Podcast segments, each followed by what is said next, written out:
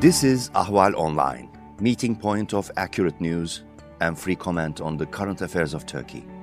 Welcome to our podcast series.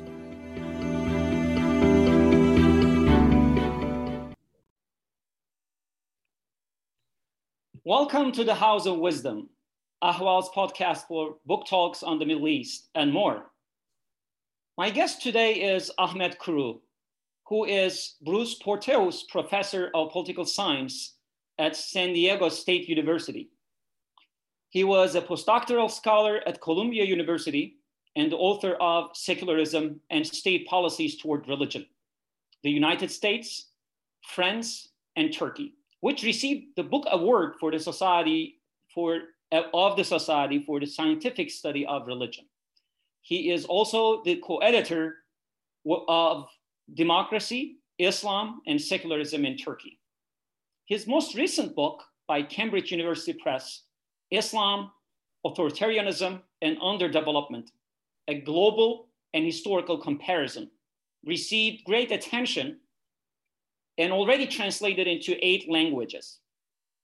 The book asks why Muslims, once world leaders in art, science, and military power, suffer from inferiority in the modern era. Professor Kuru, congratulations on the book and welcome to the House of Wisdom. Thanks for having me. It's not uncommon to ask big questions, but it's surely uncommon to hunt them down uh, with a book project. So I'm not going to ask where you got this question, as why were we left behind uh, is a question that is commonly asked in tea and coffee houses across the Muslim world. But I'm wondering, how did you find the courage to produce an academic book when you're sure to know you will be attacked from multiple fields? Uh, thanks for the question and thanks for your courage to have the interview because you'll be attacked by multiple fields. So, for me, the answer uh, is that uh, this is primarily a personal project. I didn't write the book to have academic promotion because I already was a professor with tenure. I didn't write it to earn money because you don't earn money by writing academic books. I primarily wrote it to answer my own questions, dozens of questions in my mind since my childhood. In addition to uh, leaving a legacy to my children and others who have these questions or will have these questions Therefore, in fact, I dedicated the book to my late father and my children, saying that I wish my father uh, could have read it, and I hope my children will read it one day in the future, inshallah. So that's the personal aspect. And therefore, I didn't really pay attention what others will say. The second thing is that definitely I see the ongoing debate. And it is a very polarizing debate from the Middle East to the West, from the policy circles, as you said, on the daily life, people on the street and coffee houses, to the academia. It is polarized in a way that one camp blame Islam we can call them Orientalist Islamophobe or essentialist. And they have a monocausal argument blaming Islam. The other camp, in general, sometimes even deny the problem itself. They question what democracy is, what development is. These are all Western concepts. Even asking question for them is imposing a Western agenda or they just blame Western imperialism and colonization.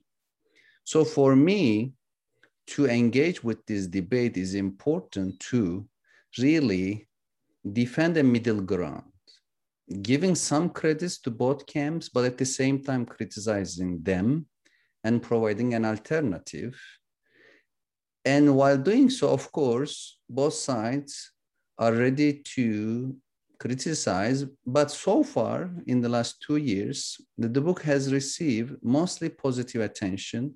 Out of 70 and more reviews, Of course, some of them are very critical, but in both academia and the media, many readers have found out certain sympathetic arguments, certain arguments that make sense to them from Sunni Muslim to Shia Muslim to non-Muslims. I think that's important that there is a debate and my book tries to make a contribution. So these were my motivations basically. Yeah, you reject the main explanations, two main explanations, I need to say, on why Muslims were left behind. Uh, these explanations are um, colonization thesis, the first one, uh, which points out colonialism's bitter legacy as the main driver. And, um, and as you mentioned, Islam's exceptionalism thesis uh, that perceives Islam as essentially incompatible with uh, modern sciences. And as an, alternative, you put uh, the um, two social forces um, to the fore. Uh, and they are the independent um, scholars, uh, ulema, uh, but independent scholars, and, and uh, merchants class. And um, how did you arrive this conclusion to look at these two social forces, and what was your conclusion? So uh, when we examine the two established arguments, and throughout my book, each and every chapter, I give them some credits. For example, I document the destruction of colonial empires in the Muslim world from history to present, Western interventions, how they lead to violence and certain level of institutional collapse, what the numbers of slavery, exploitation in Americas and elsewhere. But at the same time, I said that chronologically, when Western colonization started, Muslims already had intellectual and economic stagnation. Normatively, just focusing on Western imperialism would really cover up Muslims' domestic problems. And these are the reasons, in fact, I really put aside the argument. And even comparatively, we see that in Asia, in Latin America, many post-colonial countries achieve democracy and or economic growth. Why not in the Middle East or some other parts of the Western world? That's the question need to be asked. About the Islam debate, those who just blame Islam are wrong because I show and document in my book, and many others did before, that for five to six centuries, between eight to 11 or 12 centuries, Muslims had quote unquote a golden age of science and economy. Many terms we use in English, starting with AL, like algorithm, algebra, even alcohol, are uh, terms borrowed from Arabic.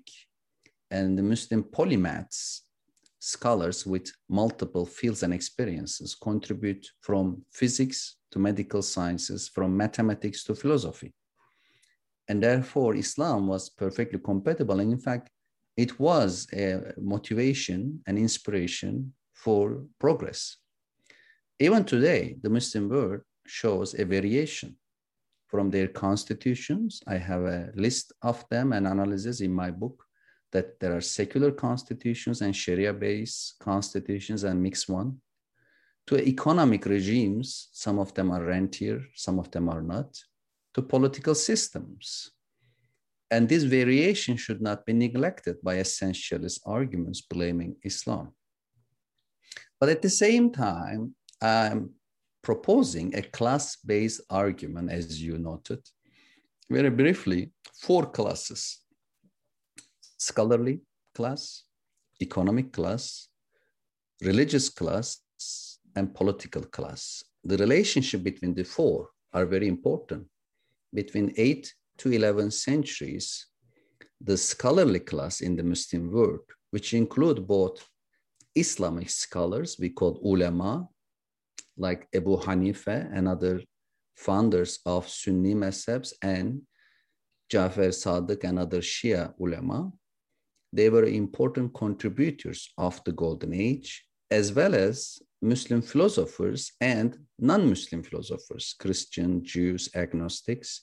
They all contributed a very brilliant civilization that brought together multiple cultures, ethnic backgrounds, and religious and philosophical beliefs.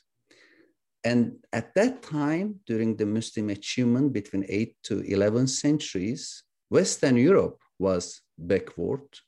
Western Europe was dominated by the Catholic clergy state alliance. Western Europe did not have intellectual and economic classes that contribute its positions and conditions. But somehow in the 11th century, a reversal began.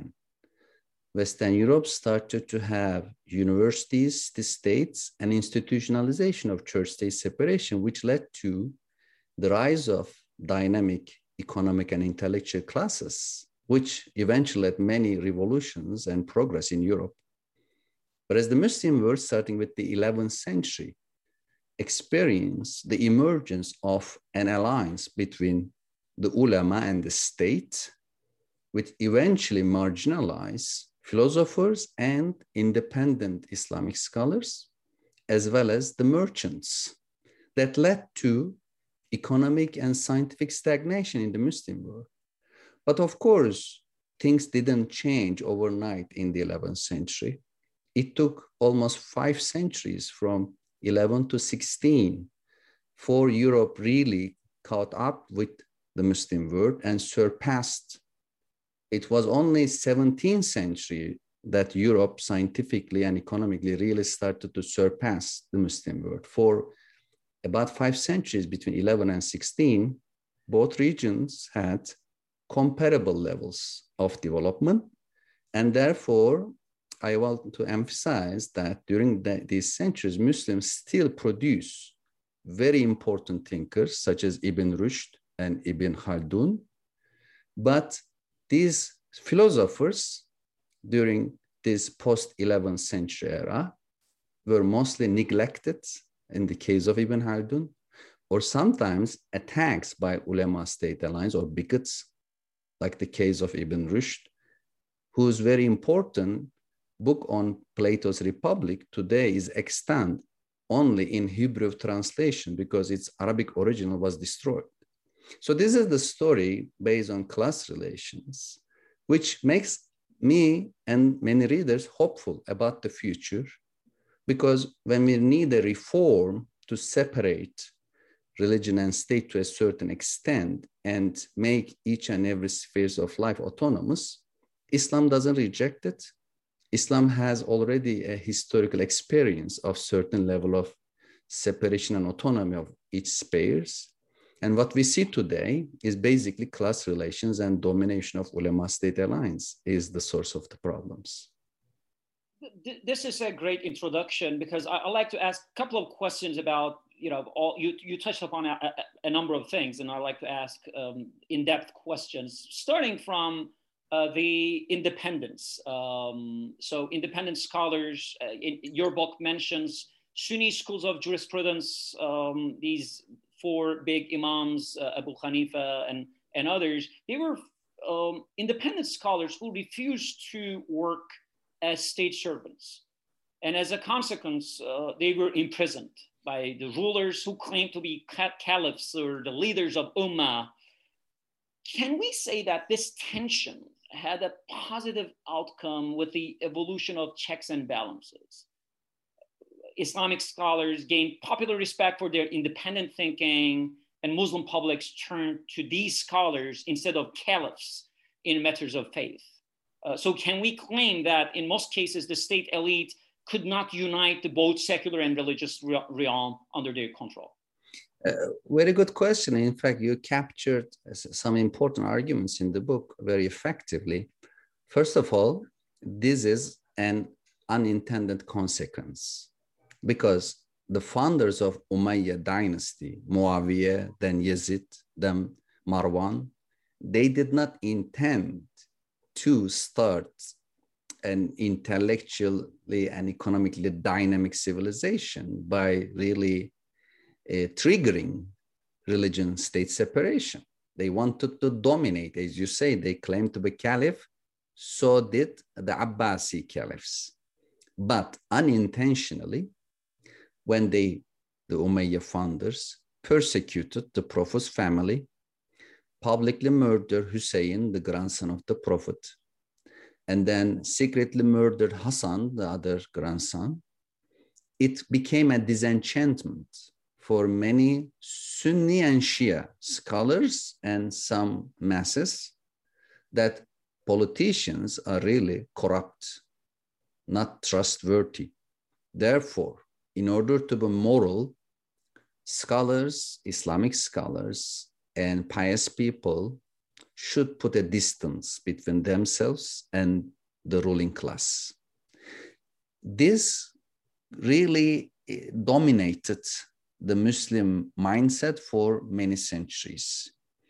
In 1970 article, Cohen brought together important numerical data.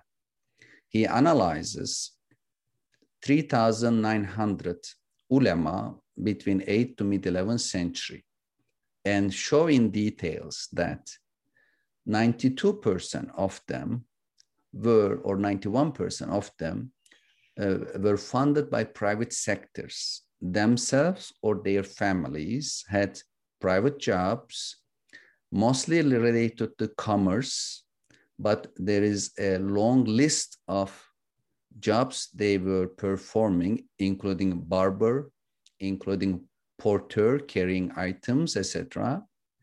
And Abu Hanifa was a silk merchant. Ibn Hanbal worked in textile sector.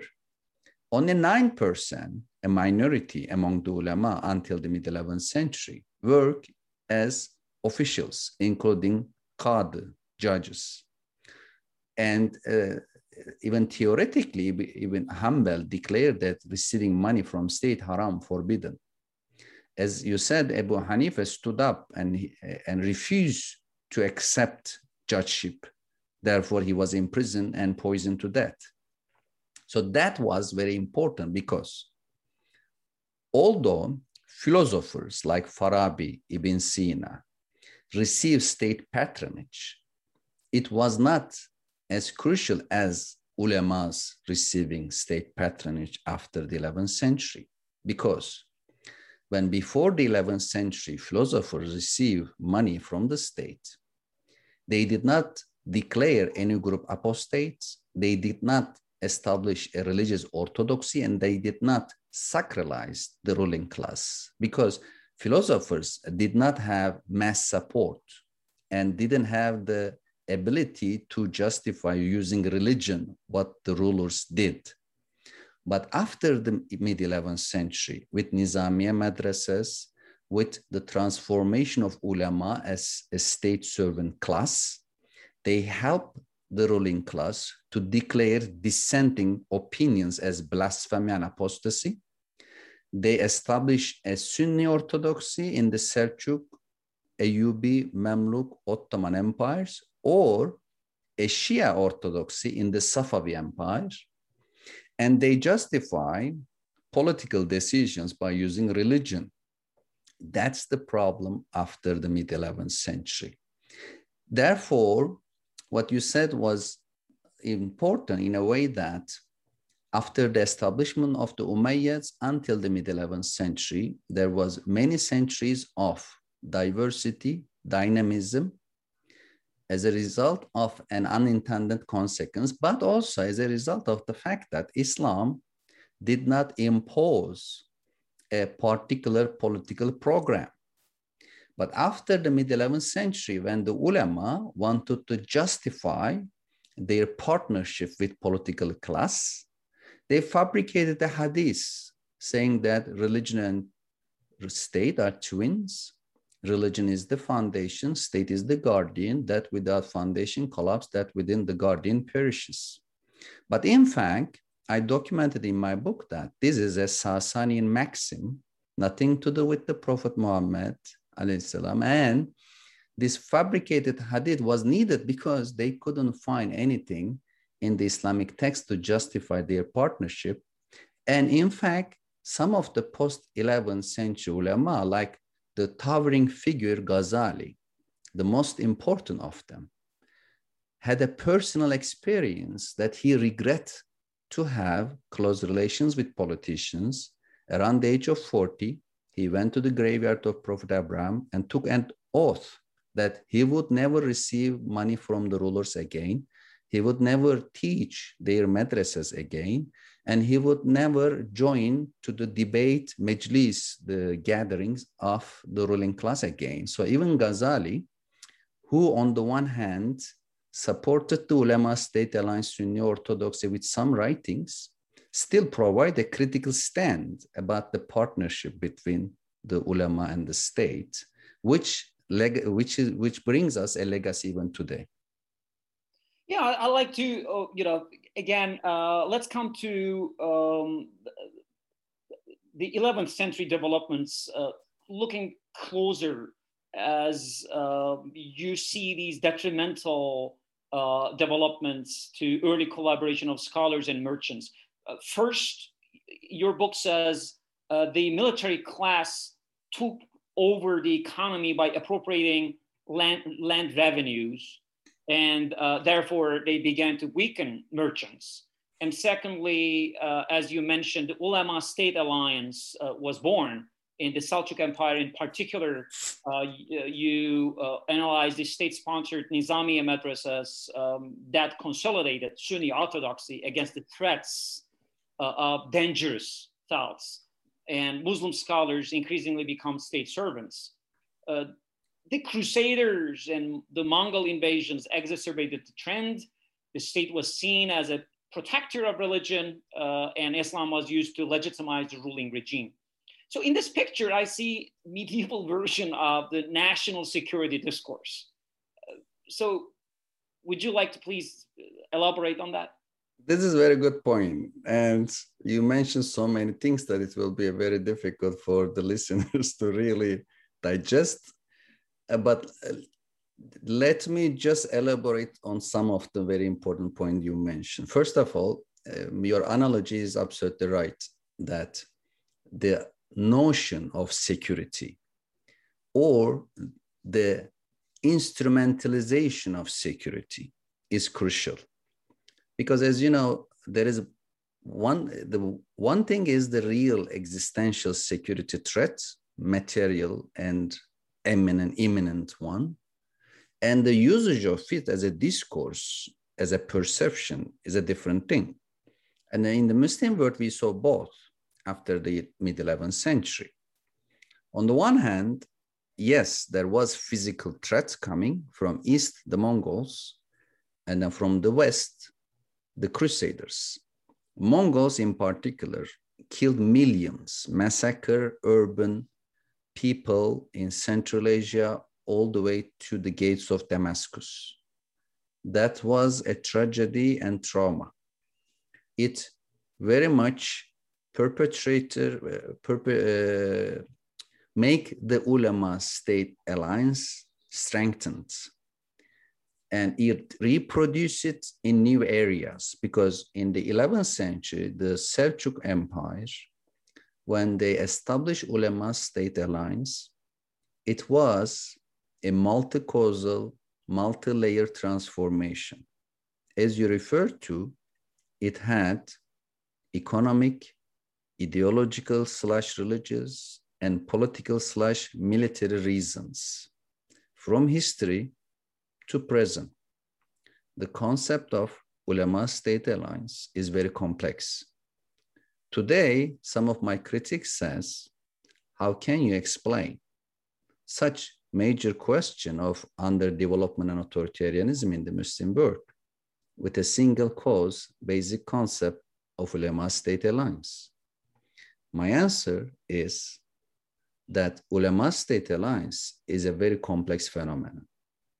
Historically, it began with an economic crisis that changed the old system.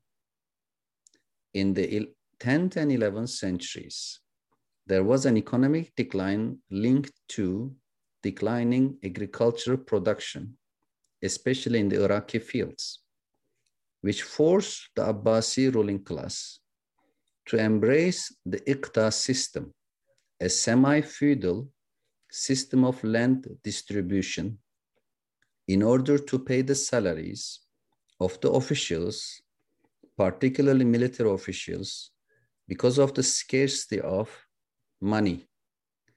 This Iqta system was later on became more institutionalized by the Shia Buyids who control certain parts of Iraq and today's Iran.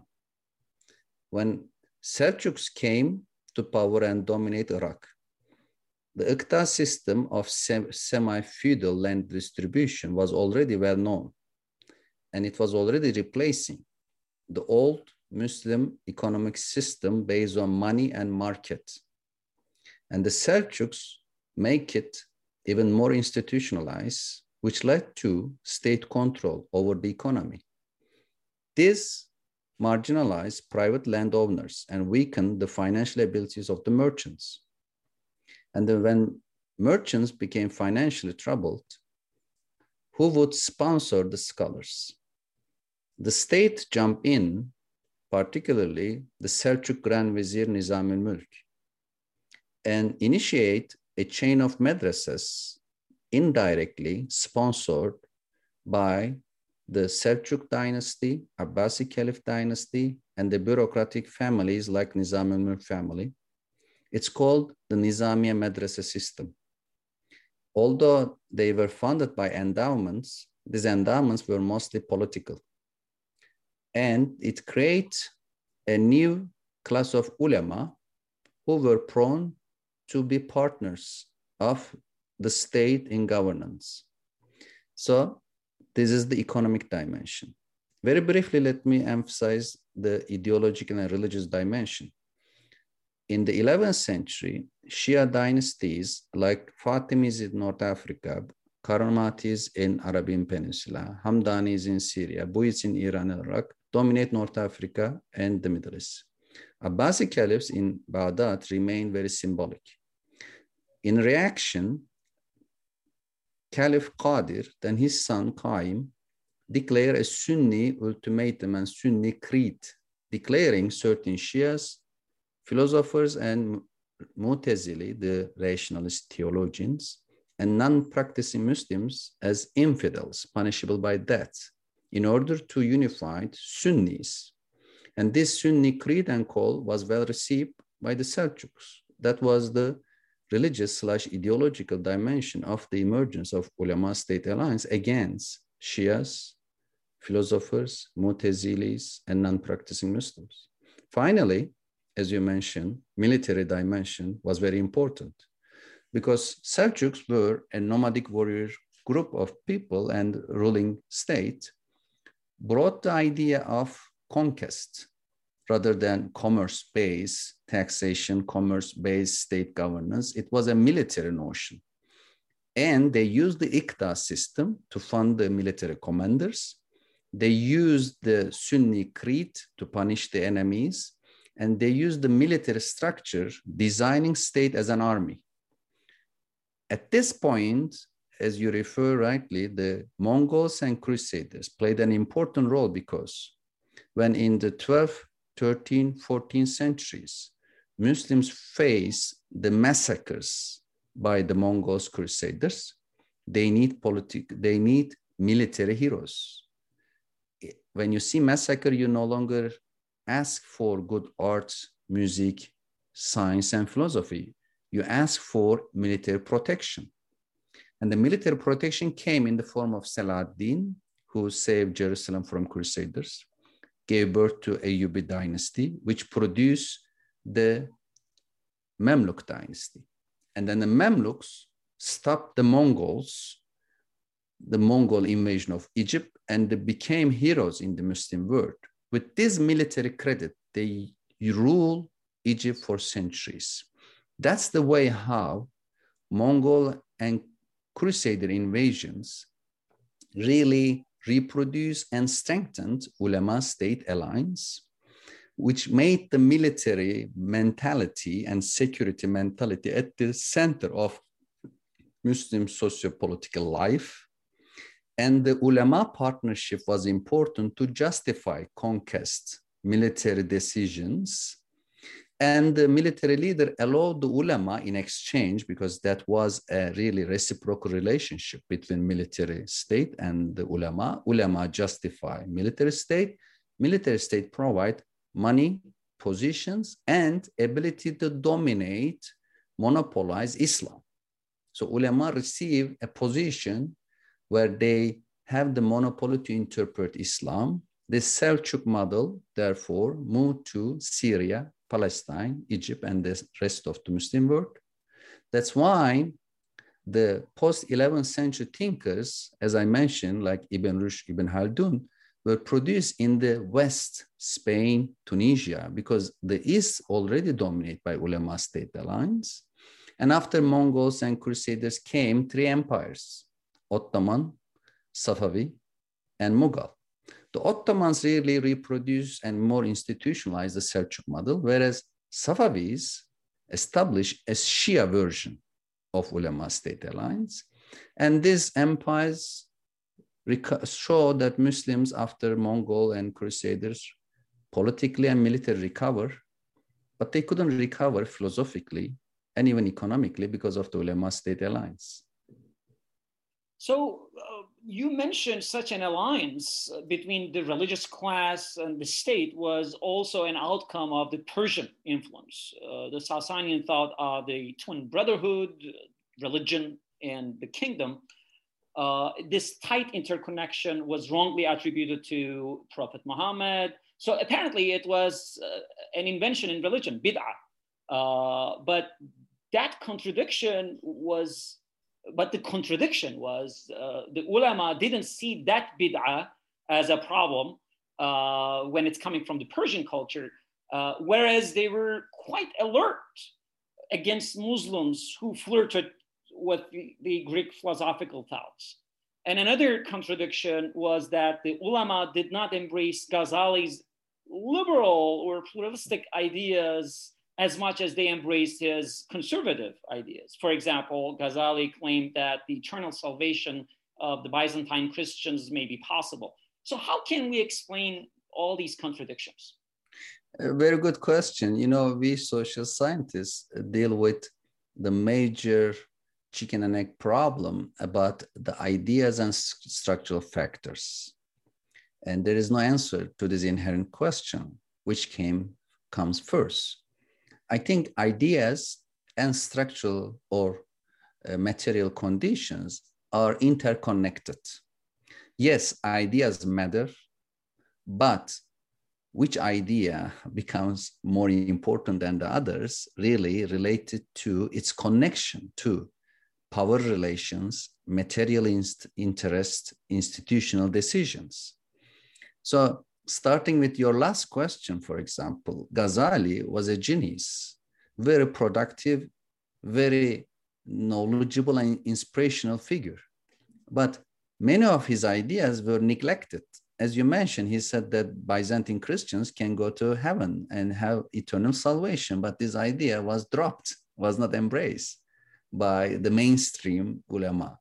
But some of his ideas, like the ulama state alliance, etc., was pick up, and his criticism of philosophers, particularly pick up, and his declaration that philosophers can be defined apostate for three reasons was emphasized. Although it's just one page at the end of his Tahafut al-Falasifa, the philosophy, inconsistency of philosophers, because ideas, certain ideas fit to ulama state alliance, fit the power relations, fit the interest of the military class were emphasized. Similar answer to your first question, certain Persian ideas, particularly Sasani notion of governance, was emphasized by many, especially Nizam al-Mulk. He himself wrote Siyaset Name with a really per, uh, Sasani framework and defining the ruling class, uh, especially the king, as almost a holy figure, and religion and state, the twin brothers again. And it, it and then ideas you see that nothing to do with Islam, but mostly Persian governance principles. But why were they so tolerant to them instead of Greek philosophy? And uh, let me just emphasize some points. One is that Greek philosophy was coming with metaphysics, a metaphysical theory. Uh, the, the, idea of uh, material world is eternal and uh, some other related claims that like really compete the Muslim metaphysics. That was one problem. The Sassanians did not have such metaphysical claim. The second thing is that uh, Islam, uh, when it's um, then, then Islam emerged, there were two major empires, uh, the Sasani and Byzantium, Eastern Rome. Muslims only conquered some territories of Eastern Rome. And those territories were already Arabic, Aramaic, they, they were not representing the authentic Greek lifestyle theory and practice. But in the case of Sasani, Muslims conquest the entire Sasani Empire and make it a part of the Muslim world. Therefore, the Sasani ideas and Persian language became a domestic internal part of the Muslim empire, whereas the Greek already represented by a foreign enemy in Constantinople. It was the other, it was not part of the system.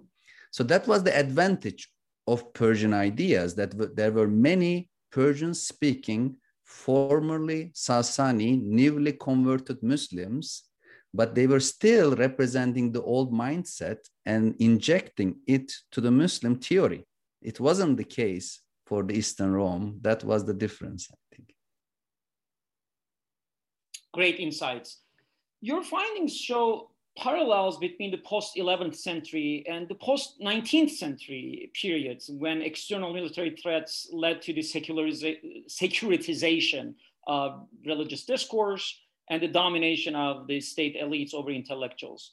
As you note in your book, modern secularist leaders in the Muslim majority nations were often former military officers who had authoritarian views to control over the economy by restricting the intellectuals and bourgeoisie classes. More importantly, these secularist rulers were ambitious to use the, the religious institutions for the regime's legitimacy. And they created their malleable uh, ulama class.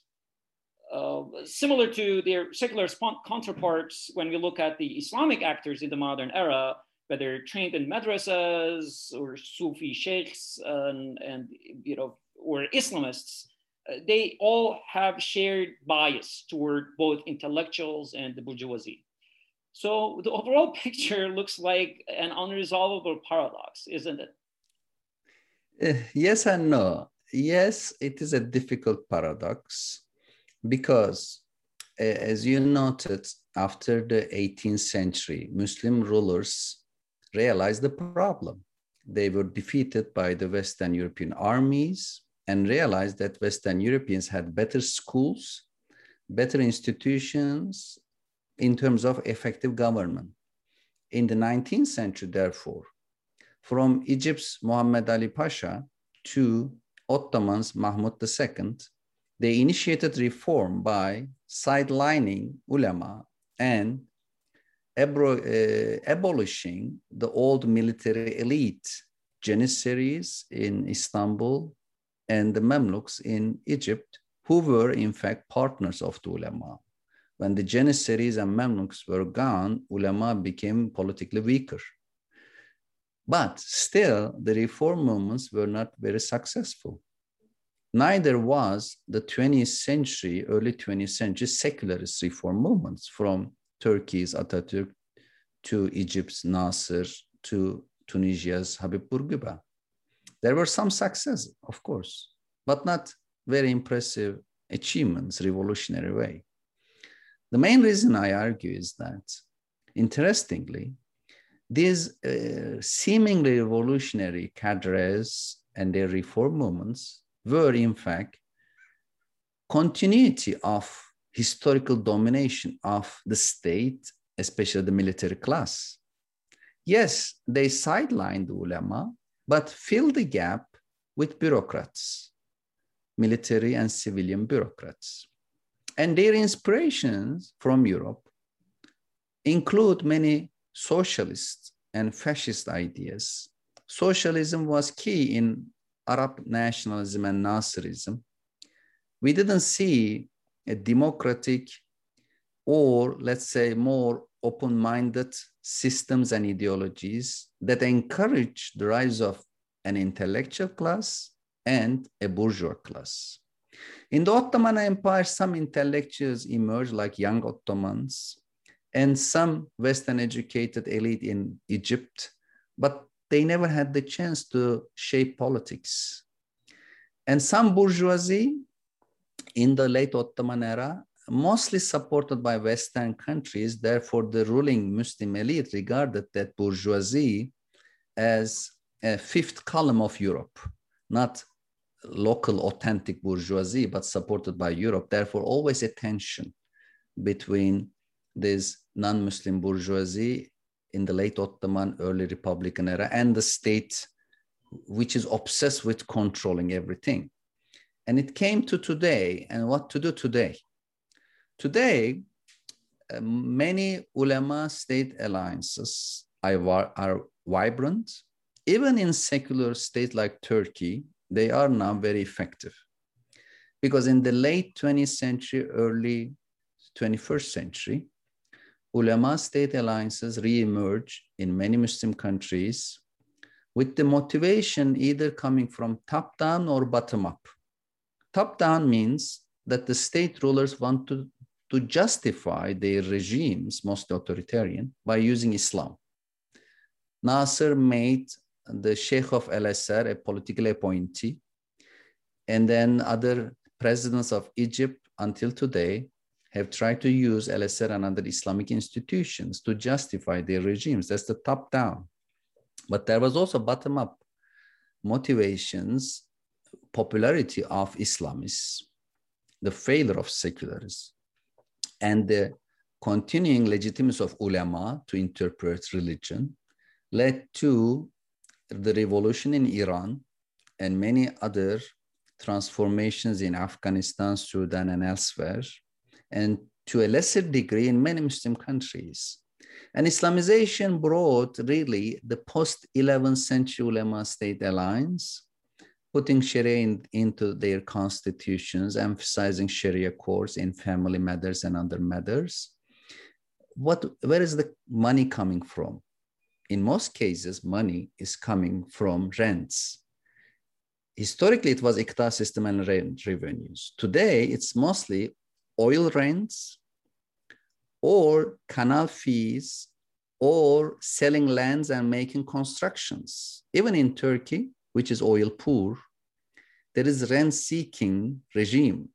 Now, uh, Tayyip Erdogan's regime is trying to build a canal in Istanbul. What is the main point? The main point is seeking rent. Canal fees like the Suez Canal building residencies, malls, and other constructions in both sides of the canal and selling it, making rent. But rentierism doesn't have a future because oil age will end before the end of oil, as stone age ends before the end of stones. There will be new technologies, at least the depletion of reserves, increasing consumption at homes, shrinking the money coming from exportation of oil. So Muslim countries desperately need a rethinking in the future, in the post-oil era.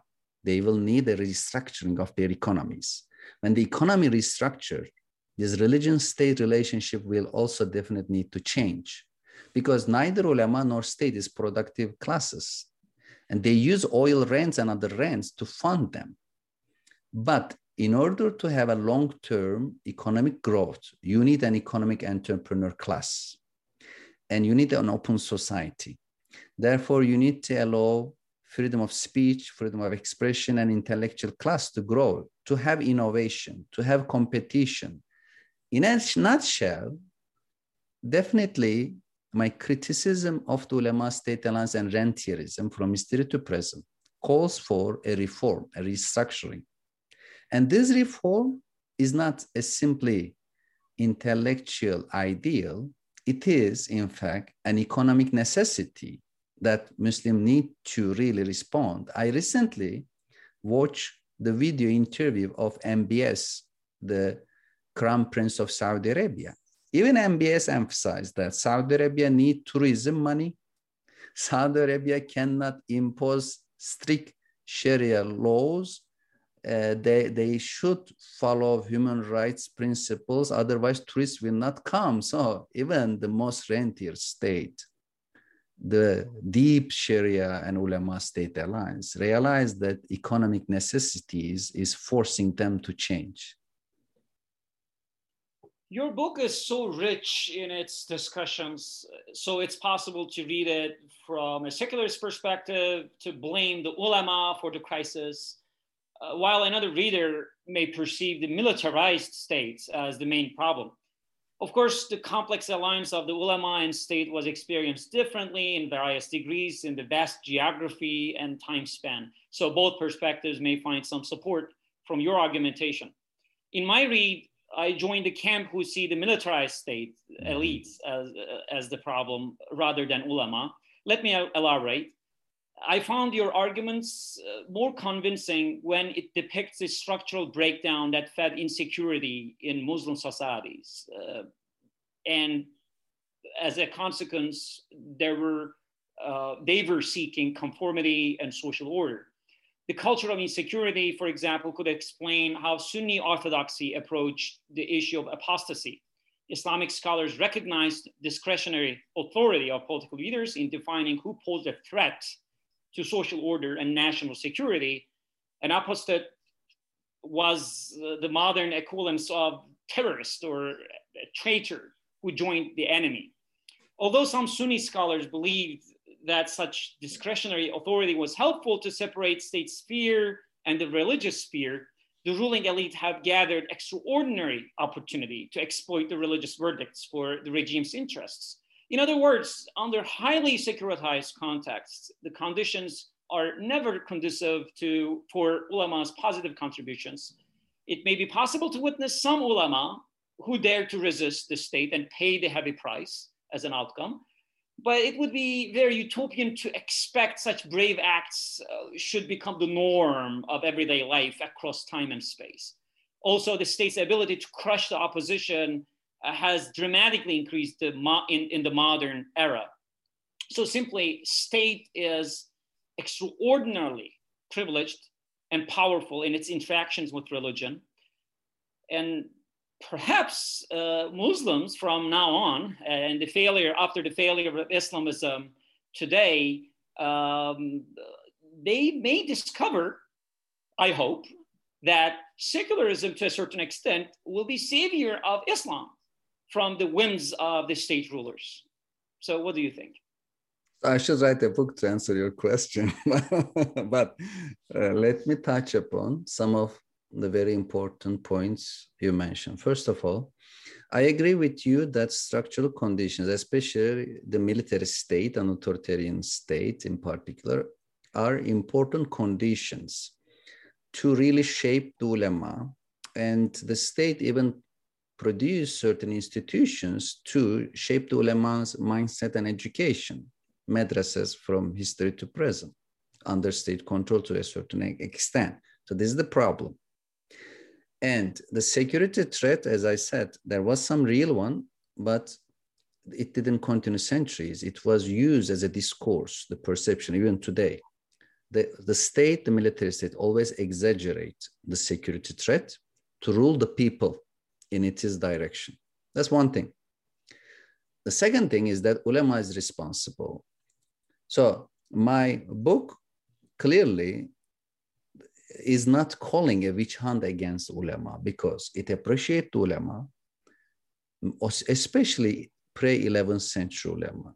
But even after the post-11th century, today, for example, there are many exceptions in the Muslim world. Ulama in Indonesia show certain level of diversity. Two major groups, Nahdlatul Ulama and Muhammadiyah, have contributed to democracy in Indonesia. Even Islamists in Tunisia show that they can contribute to democratization. Sufis in Senegal is another example of pro-democratic Islamic actors. But overall, ulema really need an autocriticism even in Turkey, even on the crucial problem of the printing press, it is very difficult to convince ulama that they were responsible for the delay of embracing printing technology for 300 years. Because it was the ulama who didn't give the permission. Then after 300 years, they only gave the permission for printing non-religious books. 50 years later, they allowed religious books to print it, but not the Quran. 50 years later, later, they allow the Arabic Quran be printed in Ottoman printing press, but not a translation. So therefore, Turks need to wait the Republic in 1924 to see finally a Turkish translation of the Quran was printed. So ulama had a responsibility. When they accept that, we can go ahead and move ahead.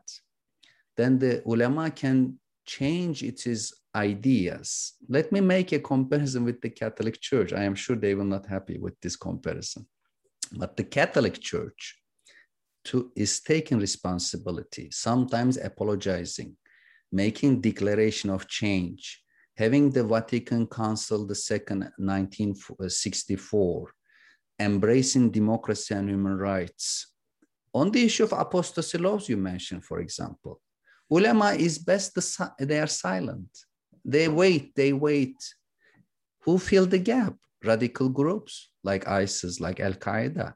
Because ulama is so afraid of making reforms, changing ideas. But, but as you mentioned, they don't even criticize bid'ahs like Sasani ideas, but uh, they, we, we see many double standards. So therefore, my second point is that, yes, authoritarian state forced them to do things, but at the same time, senior ulama is very conservative.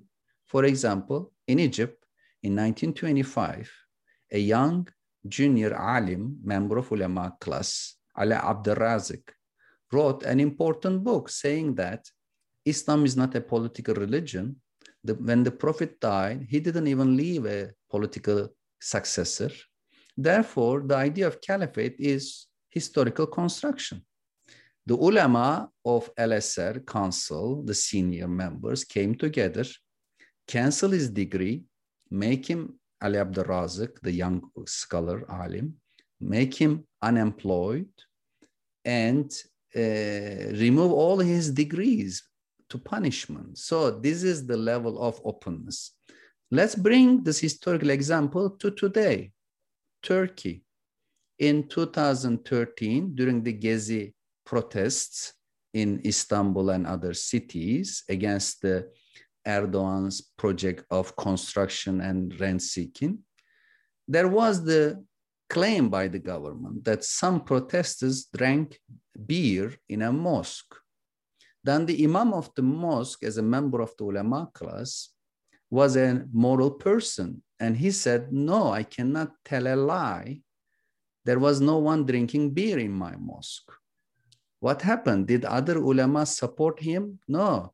When the government punished this honest man, put him in exile in a different distant village or distant place, all other ulama were silent. So this is the problem that I pinpoint and try to emphasize. So last but not least, about the future, what to do.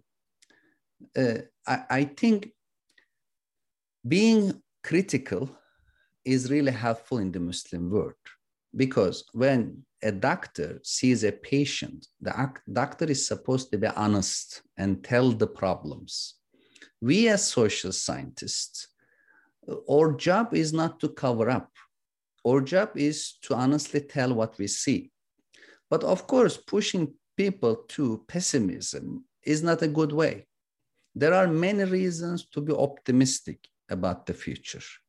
First of all, the state structure, the military state, etc., is able to transform as we see in Western countries. The origin of French state, British state, American state, basically as Max Weber, you know, defined the state itself as an organization that monopolized the use of violence in a given territory. So this is a violent institution, but it has been domesticated, contained To some extent, in many cases, why not in the Muslim world? We can see it.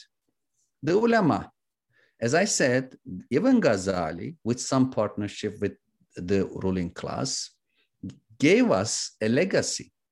In Ihya Ulumuddin, his very famous multi-volume book, Ghazali repeatedly asked scholars to stand up against immoral, corrupt rulers and not to justify corruption. Therefore, the teaching is still there. And many ulama members are very well known. It, it didn't stop in 11th century. Until today, there is this idea that in terms of morality, in terms of ethical values, the ulama should be autonomous, represent what is right rather than what is mighty. But the practice is the problem. Theory, I think there is a good theory that makes us hopeful about the future. And last but not least, as I noted, the economic conditions are changing. They are asking a real transformation, restructuring, reform. I think Muslims, for such a reform, and in the Arabic word, etc., they say nahda renaissance, for a renaissance, they don't really need to imitate Western models. They don't need a French type laicite secularism. But Muslims can really reproduce an open society, dynamic intellectual life, productive economic life. And for doing so, we really need separation of academia, economy, politics, religion, arts, sports, in order to make each of them respectful. Combination or mixture of them creates corruption. If an academic use political and economic reasons in his, her grading, publication, we call it corruption. If a religious leader use political reason in his religious, her religious opinion, it's corruption for justice, for productivity, we really need that each of these spheres are autonomous. Of course, they may have exchanges. Of course, they may inspire each other. Of course, some overlapping is possible, but autonomy, differentiation, and certain level of separation is what we need today. And in my first book, in fact, I said passive secularism. You ask whether secularism is the solution. Let me conclude by that, saying that yes, secularism is needed for universal citizenship, where Muslim and non-Muslim are equal citizens, where lawmaking is done by people's participation, not just by the ulama, where we have a checks and balance system you refer at the beginning, not a Mawardi type caliph ruling for life without checks and balance, not Ibn Taymiyyah type ulema state alliance without checks and balance. No, we did a democratic state with checks and balances and separation of powers. That's why we need secularism. But what kind of secularism? A French type laicite or assertive secularism that was tried in Turkey, Tunisia, and some Central Asian republics meant state control of religion and other spheres. And it is ineffective and leading to domination. We need a passive secularism. Way, the state plays a passive role, creating a sphere of diversity, tolerating secular and religious lifestyle symbols, and in that kind of secular passive notion, we have separation of spheres, and religion can flourish. The ulama then can become really like Abu Hanifa. Then they can preach what is moral rather than what is politically truth. That, that's the idea and hope. Thank you. Professor Kuru, it's a pleasure speaking with you. Um, I learned a lot from your book. And thank you so much for joining me today. Thanks for having me. House of Wisdom is full of wise questions and inspirational one. Thank you. Thanks.